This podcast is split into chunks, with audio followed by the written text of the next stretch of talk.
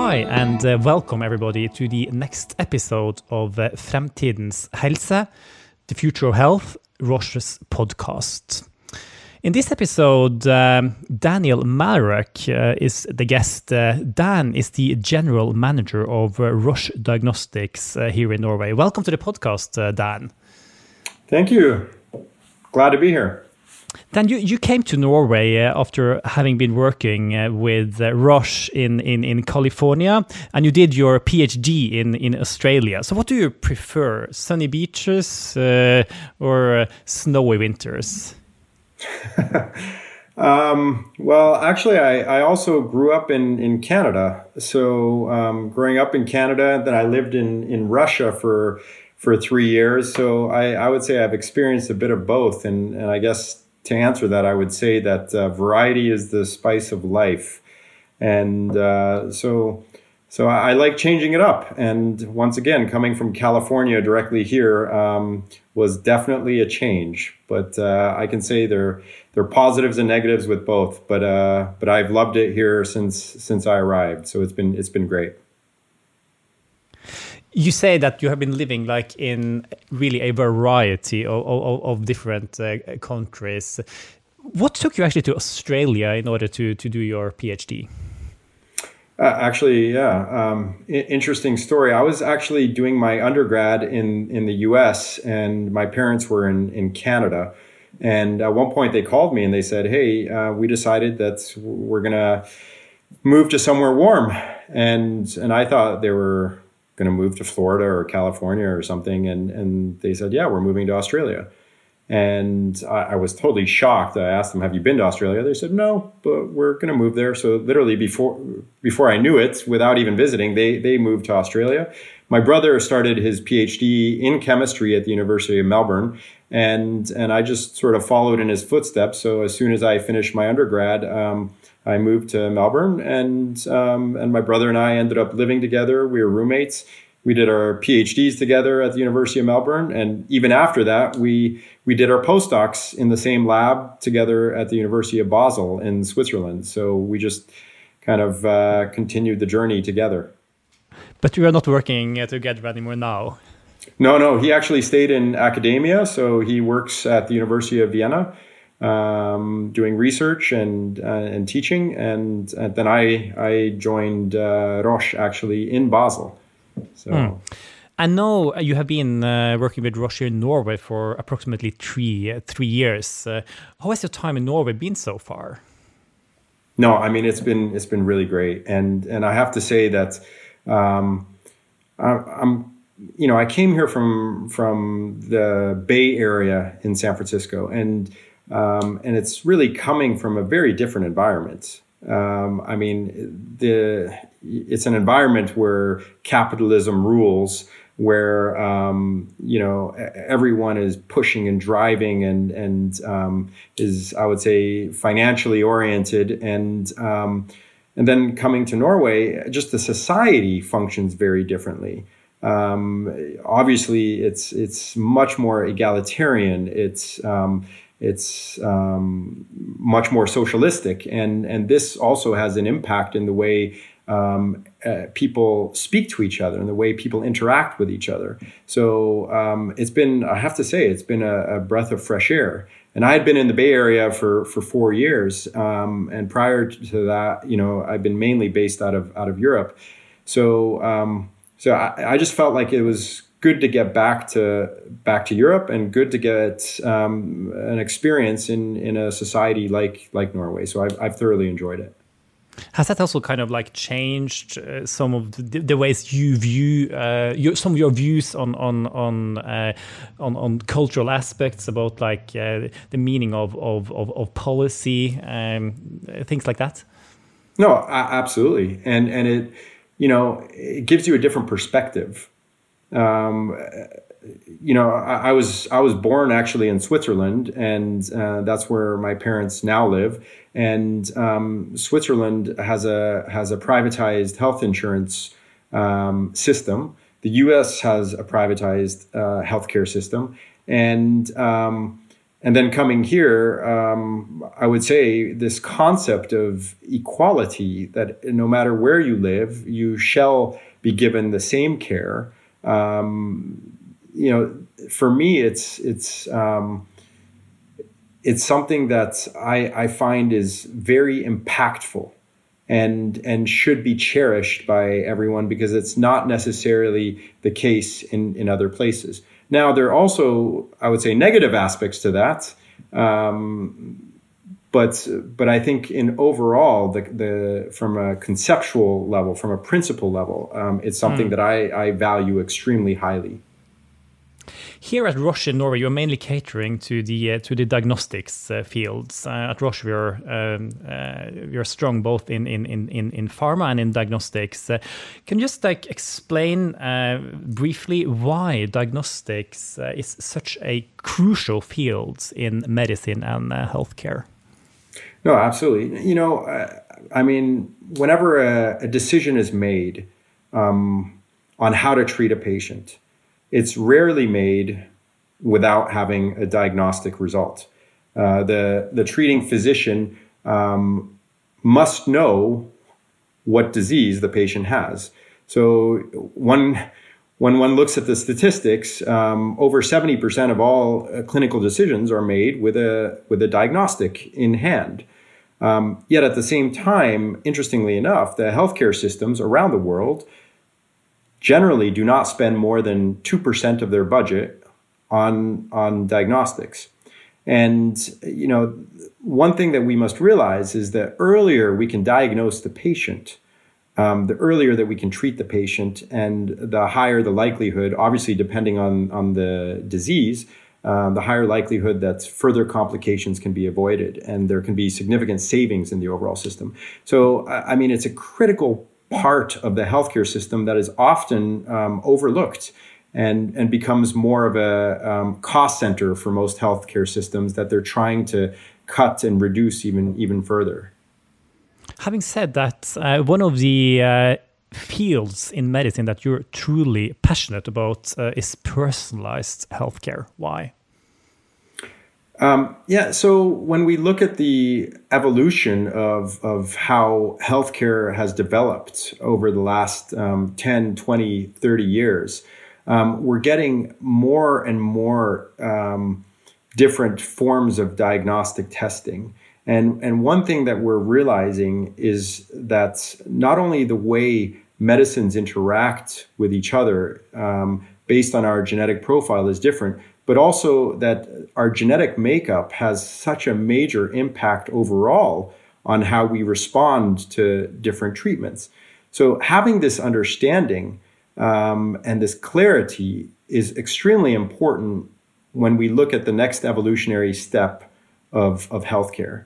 And so, if we're thinking about where can this lead to, where can this go in the future, um, this this level of understanding is critical if we're really to to take healthcare to to the next level. So um, it's something that I'm really excited about because uh, this is innovation.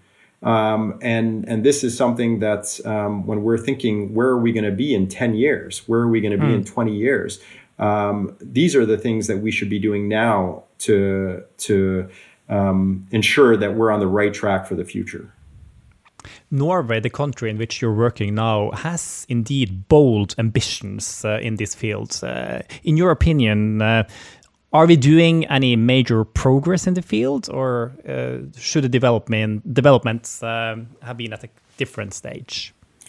Um, I, I, would say that um, overall things are going on the right track, and and I think that's um, that's something that's extremely important is to have critical players in the healthcare system um, understanding uh, the value that this can bring in the future and and making the right um, decisions based on that. Now, is this everything that can be done? Um, can more be done? I would say yes, absolutely. Um, and and part of it is also making an investment into the future. Um, we see different countries also um, making investments, whether it's the UK or France, um, uh, specifically on genomic profiling for their populations. Um, and these are investments that they're making, uh, realizing the value that this um, can and will bring in the future.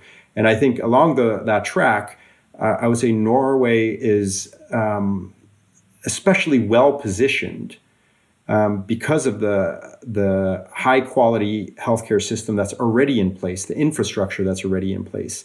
So, so you know, following in the footsteps of some of these um, different projects is is not beyond reach at all. So, I think it's definitely on the right track.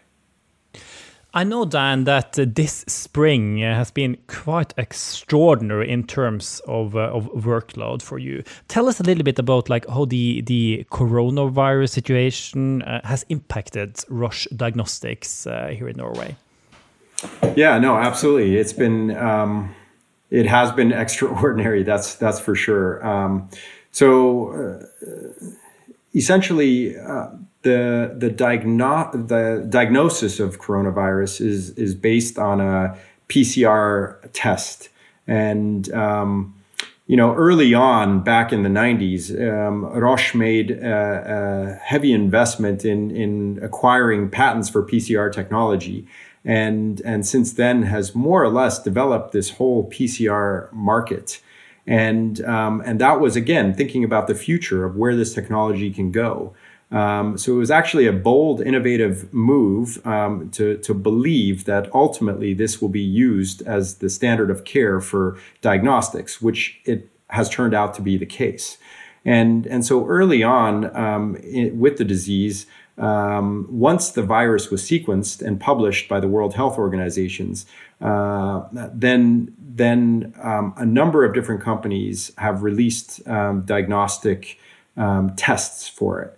And, um, and this has uh, also been the case in the laboratories in Norway, where many labs have developed their own tests um, for it. And, and they use our instrumentation for the extraction of the um, RNA of the virus to then subsequently run their lab developed tests on.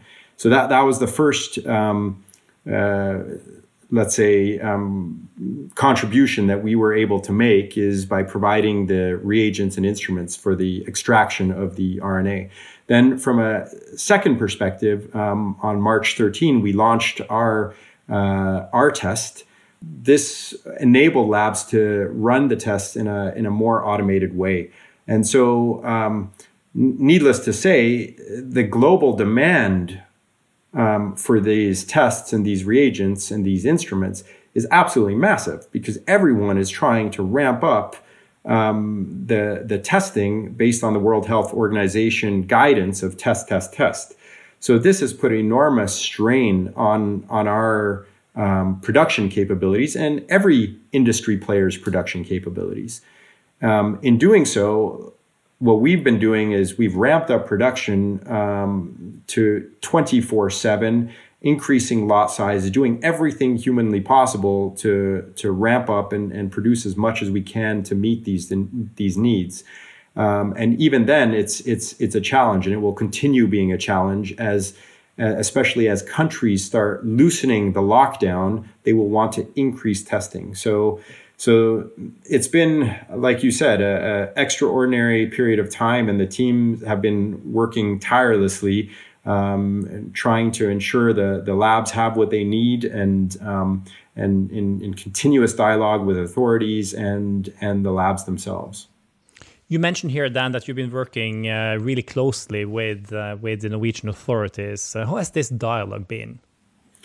I would say um, it's been extremely productive and constructive. Um, it started on on March 3rd when we were invited to uh, a crisis meeting um, with with the ministry, um, and and it has culminated in I would say a very um, transparent dialogue where where we discuss um, the allocation of reagents in a transparent way, where everyone is solution oriented, where we're working together side by side in a transparent way, trying to be creative in in how um, how we increase the testing capabilities here in Norway, and everyone is contributing. Um, I, you know, I've seen reactions in other countries where it's been more of a blame game. Um, but I've been so positively impressed at how everyone is coming together. Everyone realizes the global situation. Everyone realizes uh, the struggles that everyone is having, and everyone is extremely understanding and extremely uh, constructive in the approach. And and I think that's uh, I, I, don't know. I, I would say I feel really blessed to be in in this society to see how everyone is coming together in in such a productive and constructive way um, and and it's been this open honesty this transparency that is um, I'm, I'm just happy to be part of it and be able to contribute uh, in any way that, mm. that we can you mentioned, Dan, that testing now will be crucial in the exit strategy of uh, of uh, several countries. Uh, are we somehow seeing that uh, the value of uh, diagnostics in fighting a pandemic has got really visible? No, absolutely. I think uh, I think I mentioned earlier, you know, how important diagnostics are when it comes to decision making, and I think this this situation with this um, pandemic pandemic has um, has really shown the importance that diagnostics um, has, and and um, and this is why I feel Norway um, has been well positioned. They've been well positioned because they've had a strong infrastructure already built up. Um, and and I think from from that perspective, I, w- I would say it's not only the infrastructure, but it's also the people.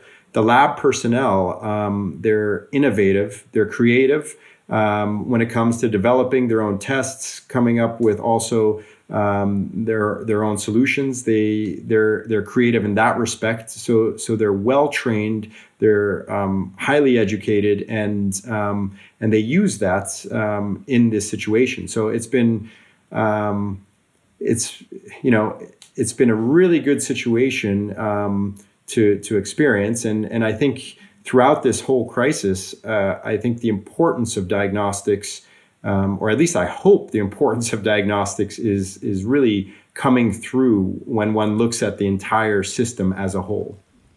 We talked a little bit a little bit about like the Norwegian healthcare system to a main extent being being a, a public uh, one, um, and you've also mentioned how well you've been able to collaborate uh, with with these public uh, stakeholders. Do you think that we perhaps also we will see moving forward a even stronger collaboration uh, between public and private stakeholders within healthcare in Norway? You know, I, I really hope so. I really hope so because. Um, you know, I think that through this situation, I think one thing that is quite clear is that we all want to help. We're all on the same team. I mean, irrespective of where you stand, are you public? Are you private? Uh, are you industry? Are you not? You know, um, it's been such a constructive dialogue that I really hope that um, any barriers that existed as far as hesitancy to reach across and and um, and have the open dialogue. I, I, really hope that that um, is um, is is broken. And and I, I would say that there have been situations where uh, public institutions are hesitant to contact um, industry for for advice or for for help in any sort of way. Um, but this is this is something that uh, I think is only at a loss for everyone if if there's no open dialogue, and um, and I'm not specifically talking about a specific company. I'm, I'm t- talking about industry in general, because it's only through dialogue that we as suppliers or industry can truly understand the needs of uh, the customers and, and the public institutions. And only through understanding needs can we provide the, the best solutions. And, and then if we can provide the best solutions, or if someone else, for example, can provide the best solution, well, so be it. And in the end, the, you know, the institution wins and the, the lab wins and the patients win. And that's ultimately what we're, what we're here to do. Um, it's about ensuring that the patients get the best possible treatment for them, that the lab has the best solution for them, and, and that overall the healthcare system improves. Dan, you're really into supporting the, uh, the, the startup environment, the startup scene, and and uh, health entrepreneurs. Uh, and you also played a, a key role when Roche uh, hosted uh, our innovation days. Uh, why is this important to you? Because um, it's fun. So, um, you know, one thing I love about working for Roche is it's very innovative. Um, it's built on a concept, a, a concept of innovation. And uh, I mean, if you if you look at um, e- even the annual report, I mean, you can you can look and see that Roche is is spending 12 billion a year Swiss francs on on R and D on innovation, and that doesn't even include like all the partnerships and and the rest that that we're engaged in. And in my previous role, when I was in California, I was working in the development field, um, developing new solutions, new technologies, um, new assays and part of that was working very closely with um, with different companies, different startups, looking at what, what is out there. Um, and that's me being a scientist by by heart. That's what um, that's what's exciting to me is is seeing what's out there, seeing what kind of new innovations are out there, and and then if it makes sense, if it makes commercial sense, finding the right partners and and this can be definitely a win-win for both parties. It can be a win-win for um, a company like Roche to bring in new innovation. It can be a win-win for uh, an an entrepreneur, a, a, startup company with with a great idea. So, have you seen have you seen anything cool then in the uh, in the Norwegian health tech uh, environment? No, absolutely, absolutely, and we see we see a number of different solutions, and we see a number of different. Um, um, innovations that is uh, very impressive. And, and some of these have led to further discussions directly with our R&D colleagues. Um, a couple of them have, uh, have developed into formal uh, agreements. So collaborations. And, and I think that's, that's exciting. Um, so, so I, I think, you know, seeing these incubators and seeing what's coming out, um, you know, I, I, wish we could see even more. And this is why, uh, you know, further investment into healthcare in general, um, it's a sustainable industry. And, and I firmly believe that, um, that Norway has such a strong infrastructure already in place that if, if some investments were, or further investments were made in this space, that uh, this could be a real tech hub um, in not only Scandinavia but in Europe because it's an exciting place to be. Um, it's a desirable place to be, uh, attracting talent from all over the world. I don't believe it would be much of a challenge, and um, and it, it's just so well set up to to be in this space. Um, uh, yeah, I think I think there's huge potential here could, could health even be uh, the new oil? Uh, absolutely, absolutely, and and I would say it's it's more sustainable. Um, yeah. I mean, uh, we can we can look at the current economic situation and what impact it has. Um, also, we we understand that oil is not around for forever, and um, and then we look at other countries that have built up industries around healthcare, and um, yeah, it's it's a sustainable approach, and not only is it sustainable, but I would say um, it's exciting.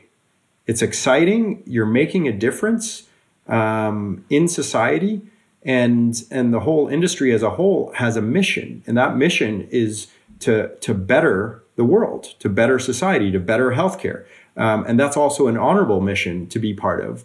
And, and if we could see that just be fostered and cared and, and nurtured um, in Norway, I, think that would be absolutely fantastic to be part of and, and uh, to see develop.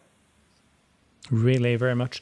Dan, um, you're leading a, a, team of around 100 people here in the Norwegian market. Um, and uh, for several weeks now, you have been doing that uh, remotely. Uh, you're, you're talking like uh, from, from your home office. Um, how has that been um, leading remotely uh, from a leadership point of view? Um, being a social person, I hate it.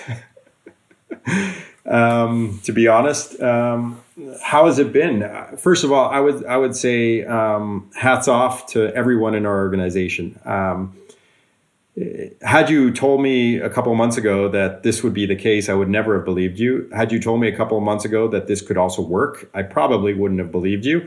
Um, but somehow our employees, our teams, our leaders, um, you know, the the flexibility of what they're doing, many of which have children um, that they must care for. Um, the way that they've embraced this has been um, amazing, simply amazing. And you know, when when looking at the challenges, I would never have thought that we could lead workshops, lead uh, interactive sessions, um, you know, build um, ideas off of each other, which normally we would feel like, oh, you have to do this in person. But to see this actually happening in a constructive way, in an efficient way, um, is is extremely impressive. And then it comes the the customer interaction piece. Like many of the times, we want to have these meetings in person. And now we see that we're having them on the phone, um, on Skype, on various media, and and it's been working. Everyone has adapted, so it's been it's been impressive. Will you go ahead and reduce the corporate travel budgets then, or uh... I can I can guarantee you the travel budget is uh, is looking quite quite good right now, and and then the question will be what what kind of permanent impact is this going to have, right? Mm. Because if we realize that this is this is working, do we really need to fly all over the place for these meetings? Yeah. Dan, um, talking about travel, I mean, you have a, a truly global background, uh, and you've now got to experience the Norwegian society in, in, lockdown with the strictest measures in place in peacetime. Uh, when things then gradually open up, uh, what would be the first place that uh, you'd travel to then? The first place I would travel to. I would say the moment they open up really domestically, I'm going straight to Lofoten. So it's it's so far been my favorite place. I, I think I've been there three or four times already, and um, I, I, somehow never get tired of it. And, and I just it's so amazing to me. Um, if things open up internationally, then I think I'm just going to go somewhere warm. So exactly to a warm beach. Uh, exactly. Thank you so much, Dan, for uh, joining us uh, here at the podcast uh, today in what's a really busy time for you. In the next episode of our podcast, we're going to talk to Kristin Vinje, who is a dean at uh, Kristiania University College. Kristin is a former politician. She holds a uh, PhD in chemistry and believes that also political decisions should be guided by knowledge and science. Many thanks and see you soon.